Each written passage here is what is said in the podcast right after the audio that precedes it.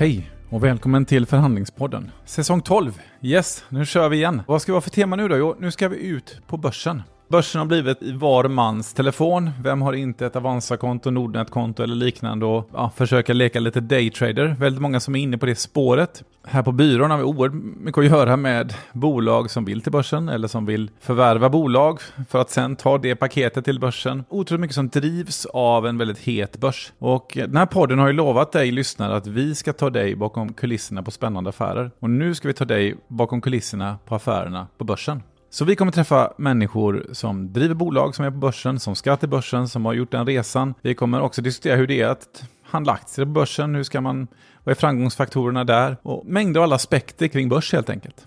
Vi gör som vi brukar, vi börjar med en liten grundkurs. Ni ska få träffa min eminente kollega Erik Ehrenkrona, advokat och Head of Capital Markets på Max. Det han inte kan om börs, är inte värt att veta. Så jag ska bara lägga en lite grundläggande bas. Vad är börsen? Hur hamnar man där? Hur är det att vara på börsen? Och hur handlar man med aktier på börsen? Lite grundkurs. Det kanske blir för enkelt för, för några av er, men vi, ja, jag gillar ju det där. Att, att försöka förklara svåra saker på ett enkelt sätt. Så jag hoppas att ni ska uppskatta detta. Och jag som pratar, jag heter Karl Fager. Jag är advokat på Max Advokatbyrå och jag driver den här podden sedan 2016. Så eh, nu beger vi oss mot börsen och ska ringa den där klockan och vi ska handla med våra aktier och vi ska göra massa roliga saker tillsammans under den här säsongen som följer. Så jag hoppas ni är med nu också. Det säger vi som vi brukar. Nu kör vi!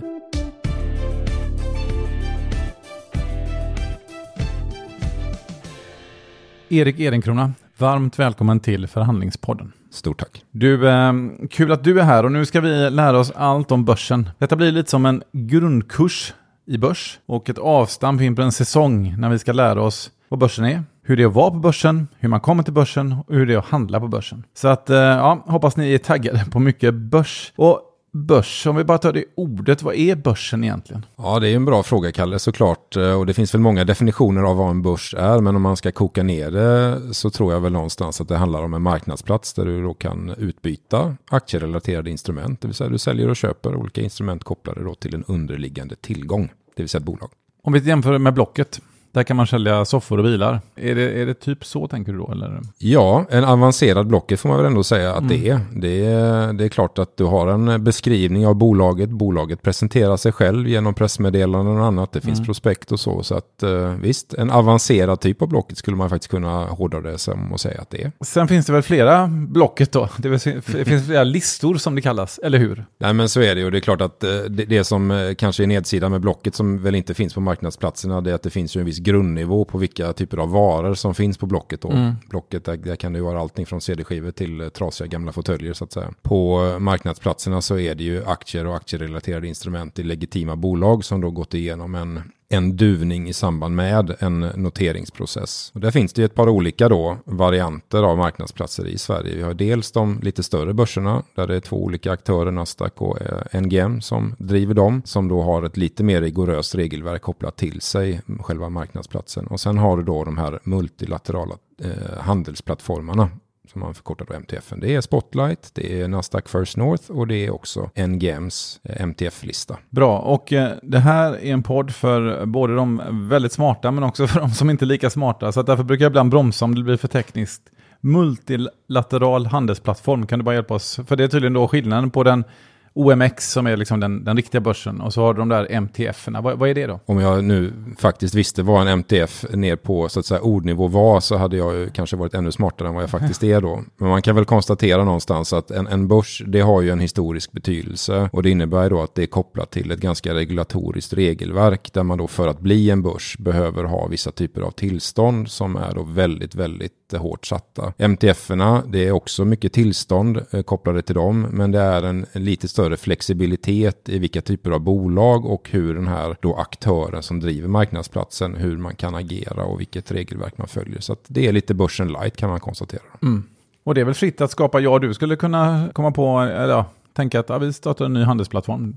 Och så söker vi gå till Finansinspektion och så liksom drar vi igång en ny MTF. Det skulle vi väl kunna göra. Det är, ingen, det det är ingen monopolverksamhet tänker jag. Nej, det är det verkligen Nej. inte. Utan det är såklart, det är ju centralt styrt och du ber om ett tillstånd då och får bedriva en viss typ av eh, marknadsplats. Så att uh, det är inget monopol i Sverige, det är det inte. Bra, då vet vi vad börsen är. Vi vet att det finns lite olika former. Det finns den riktiga börsen, börsen light i form av olika listor. Eh, då uppkommer frågan, hur kommer man dit? Mm. Vi tänker oss att jag och du, vi är smarta och programmerar och tar fram en produkt som vi säljer eh, och eh, nu ska vi gå till börsen med den. Hur kommer man till börsen? För det, det, det verkar vara, ja, det låter ju rätt häftigt att komma till börsen. Ja, nej men det är klart, det är många presentationer de senaste åren som har haft som huvudrubrik vägen till börsen. Det kan mm. man ju konstatera. Det har ju varit ett väldigt positivt och väldigt eh, populärt spår av olika anledningar på senare år. Vägen dit, eh, det handlar väl i princip om att man då ska visa för marknadsplatsen, det vill säga Nasdaq eller Spotlight eller NGM, att man är ett bolag som är kapabelt att hantera den regleringen som finns på en marknadsplats. Det vill mm. säga att man är börsfähigt, som man säger i vissa sammanhang. För att komma dit så behöver man ju då göra någon form av genomlysning av sig själv. Man kollar igenom historik, man kollar igenom underlag, man kollar igenom sina siffror, man pratar med marknadsplatsen. Vad är det viktigaste där? Om man liksom bara, när man gör den analysen, vad, vad vad är på något sätt om, är pelarna för att vara redo för börsen? Vad behöver jag och du i våra, våra lilla scale-up-bolag här, vad, vad, behöver vi ha på plats för att du tycker att man nu kan gå till börsen? Framförallt ska man ju ha resurser och det handlar inte bara om pengar i kassan. Det kanske man kan fylla på med då i samband med att man gör själva noteringen. Men det, det ska finnas interna resurser att kunna hantera det här regelverket som man kommer att lyda under när man väl noterar sig. Och sen är det såklart ju mer ordning och reda du har från början, desto enklare är det att få pengarna på fredag när du väl dyker in på börsen då så att säga. Så att eh, ordning och reda, eh, tydlig liksom idé vart man är på väg, vart man står och sen också då en, en eh, kapacitet att hantera det som, eh, som krävs på marknadsplatsen så småningom. Då. All right, och om man gör den analysen liksom, och så kommer man tillsammans med en lista fram till att ni är redo, vad, vad vad består liksom slutprocessen? Vad, vad, är de sista stegen till att man kan logga in på Avanza och se vårt bolag där? Ja, men det finns ju lite olika varianter till eh, börsen, men ett av kraven för att komma till en marknadsplats det är ju att du faktiskt har ett antal aktieägare som är villiga att eh, trada eller sälja och köpa sina aktier. Så att du måste ha en så kallad ägarspridning. Och det brukar man ju då genomföra i samband med att man då tar aktierna till marknadsplatsen. Hur många ägare måste man ha?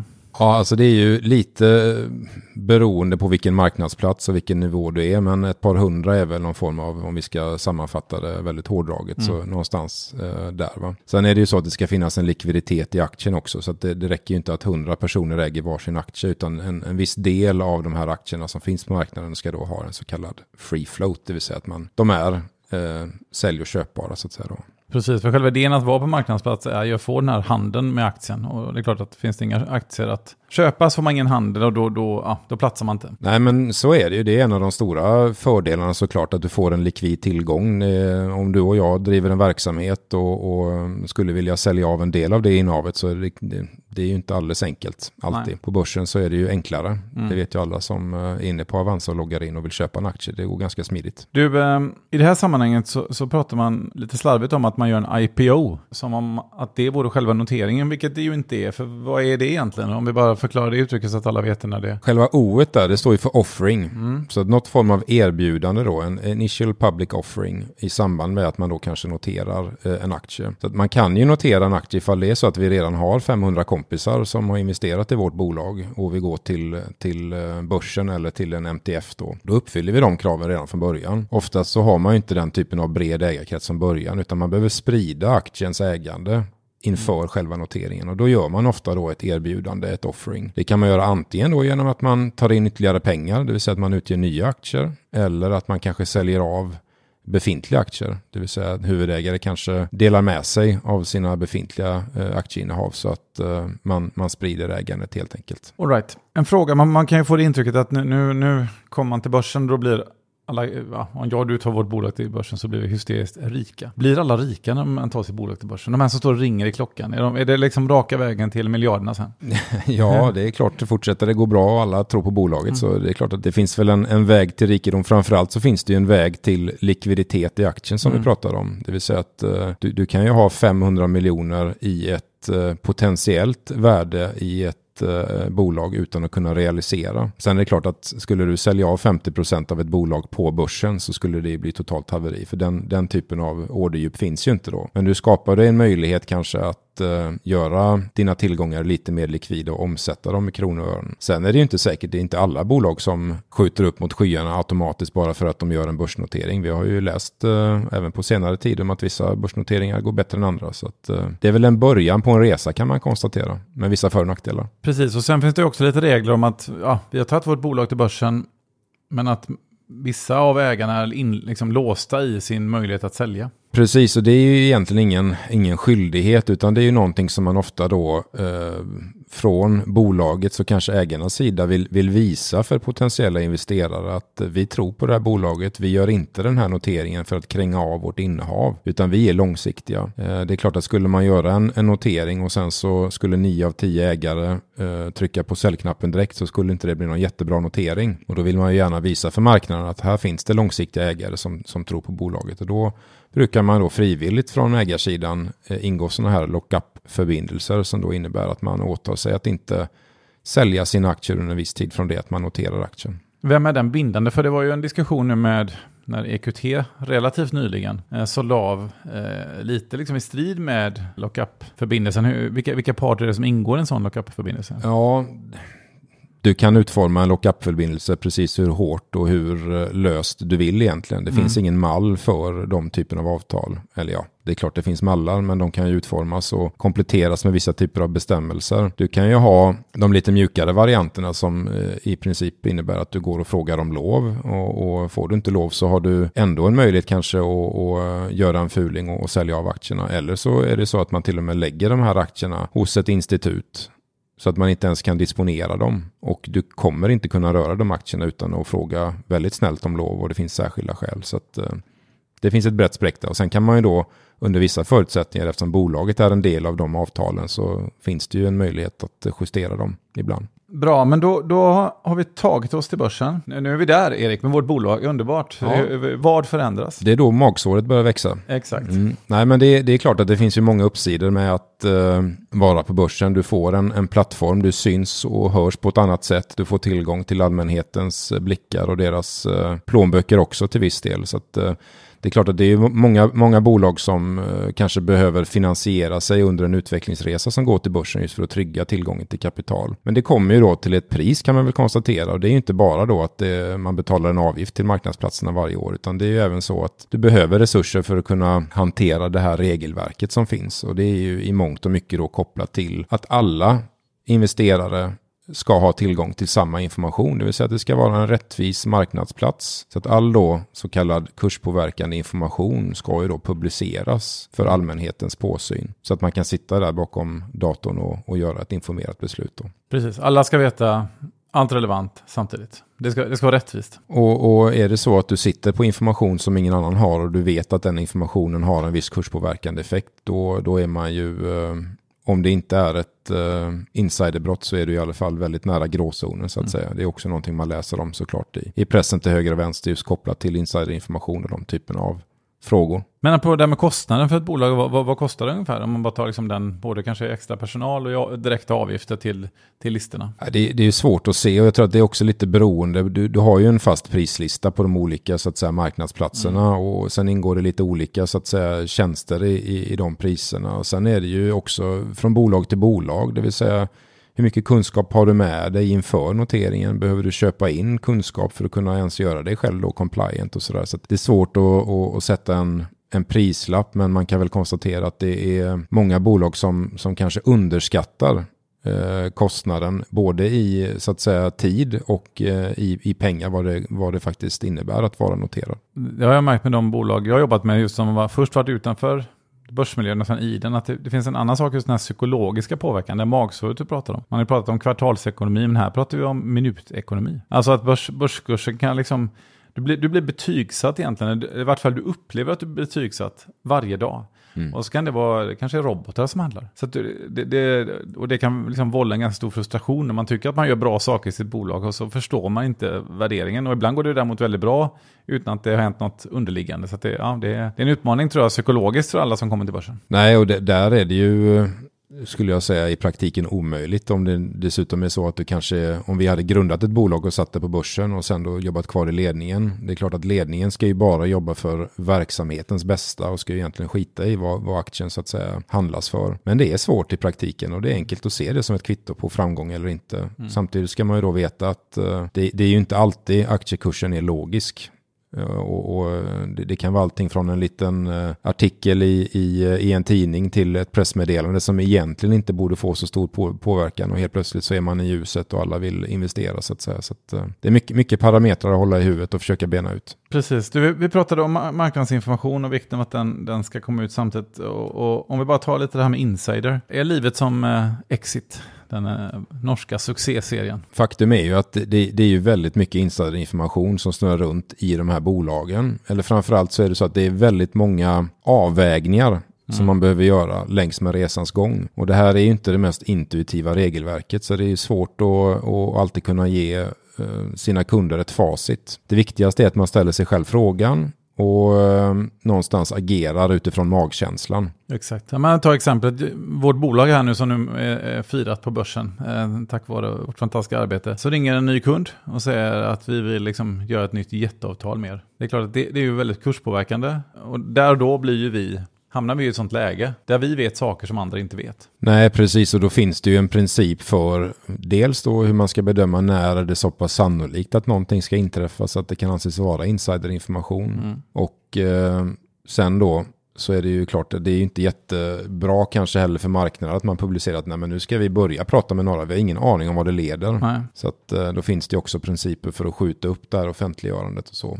Sen, sen ska man ju också veta av egen erfarenhet så är det ju så att eh, du kan ju veta mer än allmänheten om ett bolag utan att det för den skull egentligen är då insiderinformation. Det är därför det finns vissa robotar som, som då eh, går igenom och ser så att säga hur har personer i ledande ställning, hur har de handlat och så förutsätter man att de vet lite mer än investerarna. De har inte insiderinformation per definition, men man litar på att de kan göra bättre bedömningar och sådär. Så, så mm, det där kan ju ibland bli lite svårt att förklara då man, man, förstår ju kanske att en ekonomichef har ju en bättre insyn i vart är bolaget på väg på kort och lång sikt mm. än en kille som, eller en tjej som sitter framför skärmen och, och läser pressmeddelandena. Mm. Så är det ju. All right, Nej, men då har vi närmat oss att liksom bara behandla frågan hur det var börsen. Jag tycker att medskick här i de här sammanhangen är också att insiderlagstiftningen är ju väldigt tuff. Straffen är väldigt hårda.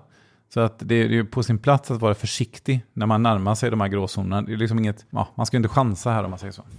Nej, det är ju väldigt onödigt mm. såklart och, och även för bolagens räkning. Så det är, det är så olyckligt när det blir fel. För att det, mm. det, är ju så att det kan ju bli fel ibland utan att bolagen haft en, en, en dålig avsikt så att säga. Men mm. det räcker med så att, säga, att ryktet börjar spridas eller att eh, FI börjar kolla på det lite närmare trots att det kanske inte är något fuffens. Och så är det väldigt skadligt för bolaget och, och, och kursens utveckling. Så att eh, i de situationerna så är det ju, är det ju vettigt att försöka och, och känna efter både en och två gånger och försöka göra ett så informerat beslut som möjligt varje gång. Men det är svårt i, i, i det dagliga. Jag menar, är man en vd och, och man är ute och, och ränner och man har möten och man kanske är ytterst ansvarig även för informationsgivning och, och loggböcker och sådär. Det, det, det är inte alltid helt lätt och det är därför vi finns också för att kunna bolla de typerna av frågor.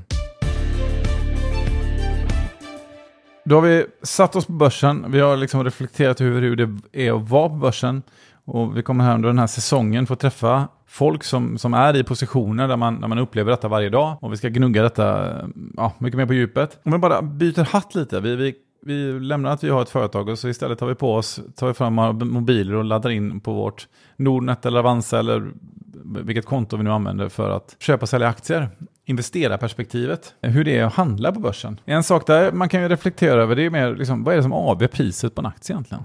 Det är ju som på alla marknader skulle jag säga. Det är tillgång och efterfrågan. Det vill mm. säga att eh, du, du lägger ju en order i ett system och säger att jag vill köpa en aktie för en krona. Och sen i samma system kanske det finns en säljare som säger att ja, men jag vill sälja för 1,1 eh, kronor. Men när en säljare då är villig att sälja för en krona, då möts ju de, de ordrarna och då genomförs ju en transaktion i de här systemen. Och så förs då aktierna eller tillgångarna över i det här Euroclear-systemet som alla börsnoterade bolag eller alla noterade bolag är, kopplade till. Då. Mm. Vilket är någon slags eh, ja, men, digital aktiebok. Eh, ja, ja, så är det. Det är ju en värdepapperscentral mm. eller ett register egentligen. Så att uh, i de privata bolagen så är det inte ovanligt. Man, man har ju en aktiebok i, i fysisk form mm. eller i en Excel kanske ifall man vill vara väldigt pragmatisk. Och sen då när man väl är på väg till börsen så måste man ju se till då att man har ett, ett förbehåll i bolagsordningen som säger att nu ska vi in i Euroclear-systemet. Så för man in alla aktier där och det är där allting händer kan man konstatera.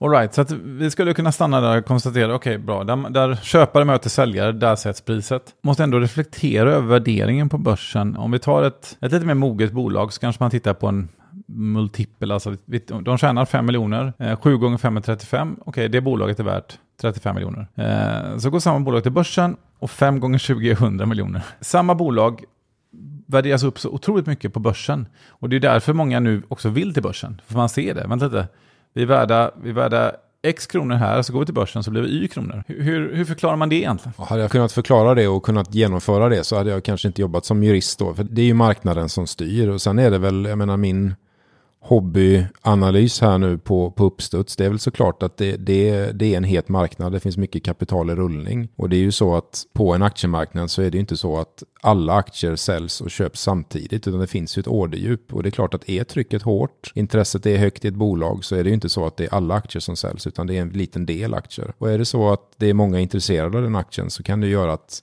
de volymerna värderas väldigt högt. Då. Sen eh, som vi pratade om tidigare, skulle du vilja slänga ut eh, 70% av alla aktier i bolaget på marknaden direkt, då säger sig självt att då är inte marknadsvärdet på varje avslut lika högt. Det har jag väldigt svårt att se. Och sen också för all del, det är inte så konstigt egentligen om du har något väldigt fint hemma som står hemma hos dig och ganska få känner till det. Sen tar du samma sak och, ställer ut i NKs skyltfönster. Mm. Det är mm. klart att man får en helt annan efterfrågan, en helt annan synlighet och därmed också går priset upp. Nej men så är det. Det är ju eh, det är ju den stora fördelen såklart med den publika marknaden. Du får ögonen på det. Du får ett, eh, om du gör allting rätt så kommer du ju få liksom en, en efterfrågan som är hög. Och du har också en, en stor möjlighet att fortsätta och bygga på den efterfrågan. Så att, eh, det är en jättemöjlighet för många bolag. Och det är klart att men det här är en driver. Vi ser ju, för mig och dig som jobbar med, med att köpa och sälja företag, så klart att det har ju varit väldigt mycket köpa och sälja företag av det skälet att ett, ett onoterat bolag köper ett annat onoterat bolag och så vill man slå ihop det eller på något sätt paketera det och så vill man gå till börsen. För att komma åt den här högre värderingen. Det är ett sätt att realisera värde, absolut. Ja. Det är ett bra sätt att synliggöra värde också. Ja, nej, jag har inte skrivit någon avhandling om det, men det är klart att det känns som att multiplarna generellt sett på aktiemarknaden är ganska höga om du jämför med den privata ma sidan där mm. man uh, har andra typer av multiplar. Så att antingen kommer nog den privata komma upp lite och den noterade komma ner eller ja, vi får se. Kanske kommer vi utreda den här, även den här frågan lite närmare under den här säsongen. Du, man tänker alltid, det är bra på börsen som du säger, det finns likviditet, det vill säga vill jag köpa en aktie kan jag köpa en aktie, vill jag sälja kan jag sälja. Kan man hamna i lägen och särskilt nu när det kanske börjar komma upp mer och mer mindre bolag där, liksom, där det inte finns någon likviditet. Att även när du är på börsen så kan du inte sälja. Ja, alltså det, det måste alltid finnas en likviditet i, eh, i aktien som sådan. Det är lite ett grundkrav. Så att, äh, märker man att det är väldigt äh, dåligt på likviditetssidan då måste man nog anlita någon som kallas för market maker. Du behöver, någon, alltså du behöver en kompletterande funktion som ser till att det finns en likviditet i aktien. Det är en förutsättning för att kunna ha aktien noterad. Du, en annan sak som jag ska prata om det är att nu pratar vi om affärer på börsen. Det vill mm. säga vi loggar in på vårt konto, vi tradar lite. Eh, men det görs ju också affärer utanför börsen, men med aktier som är noterade på börsen. Varför och hur går det till? Man pratar ju i folkmun kanske, eller folkmun är väl fel att säga, men, men eh, inom branschen så pratar man ju om någonting som kallas för block sales, det vill säga du kanske har en större post aktier i, i ett bolag och du vill sälja det här blocket till en annan. Skulle du eh, lägga ut den på den fria marknaden så skulle det innebära problem. Dels så är det kanske svårt för den här köparen att plocka upp alla aktier direkt i systemet för att alla kan ju köpa den direkt. Mm. Och dessutom så skulle ju förmodligen då eh, priset priset sjunka ganska markant med tanke på att man skulle då överösa marknaden med, eh, med säljordrar. Så det man gör, gör ibland då det är att man, eh, du har en säljare och du kanske har en eh, finansiell partner som är ute och letar efter potentiella då tagare till den här aktieposten. Och eh, då kommer man helt enkelt överens vid sidan av marknadsplatsen om att man ska förvärva de här eh, aktierna till ett visst pris. Och så genomförs det då en transaktion utanför börsen där man då transfererar aktierna mellan depåer utan att man går via marknadsplatsen. Det är fullt tillåtet. Och eh, hur synliggörs det sen i system och annat? Det är inte alltid det gör. Det är klart, är du på någon, på någon av listorna där det krävs att man kanske ska ska flagga vissa typer av innehav så kan det vara så att du går över eller under vissa trösklar och då syns det. Är det så att det kanske är så att det finns eh, säljare som är personer i ledande ställning så har du ett register där du behöver gå in och registrera då alla dina transaktioner i princip. Så där har vi full transparens men det är klart det genomförs ju transaktioner här och var som, som inte syns i, i register och annat. Mm. Mer än att de såklart finns där i, i Euroclear-systemet och eh, när man väl kanske då ska dyka upp på bolagsstämman och rösta så har man ett annat eh, innehav än man hade föregående år så att säga. Du, handlar du själv med aktier? Du, eh, är du en daytrader? Jag har eh, köpt aktier en gång mm. i eh, en eh, börsintroduktion. Det gick inget bra. De aktierna finns inte kvar längre. Okay. Sen dess... Blev du bränd? Nej, det skulle jag inte säga. Ja. Men jag, jag har alla mina personliga innehav i fonder. Det blir enklast så. Det är för många loggböcker öppna för ofta för att jag ska känna att jag ska jonglera det där. Så att, eh, jag, jag, tror att det är ganska vanligt förekommande för oss som jobbar med de här frågorna löpande och som sitter väldigt nära väldigt många bolag att eh, det, det, det, är en dålig idé att investera i de bolagen och hålla på att trada. Så att eh, fonder, det är bra. Och det tar vi som avslutningsord. Eh, Erik Ehrencrona, lycka till med dina fonder och tack för att du kom till Förhandlingspodden. tack för det, Kalle.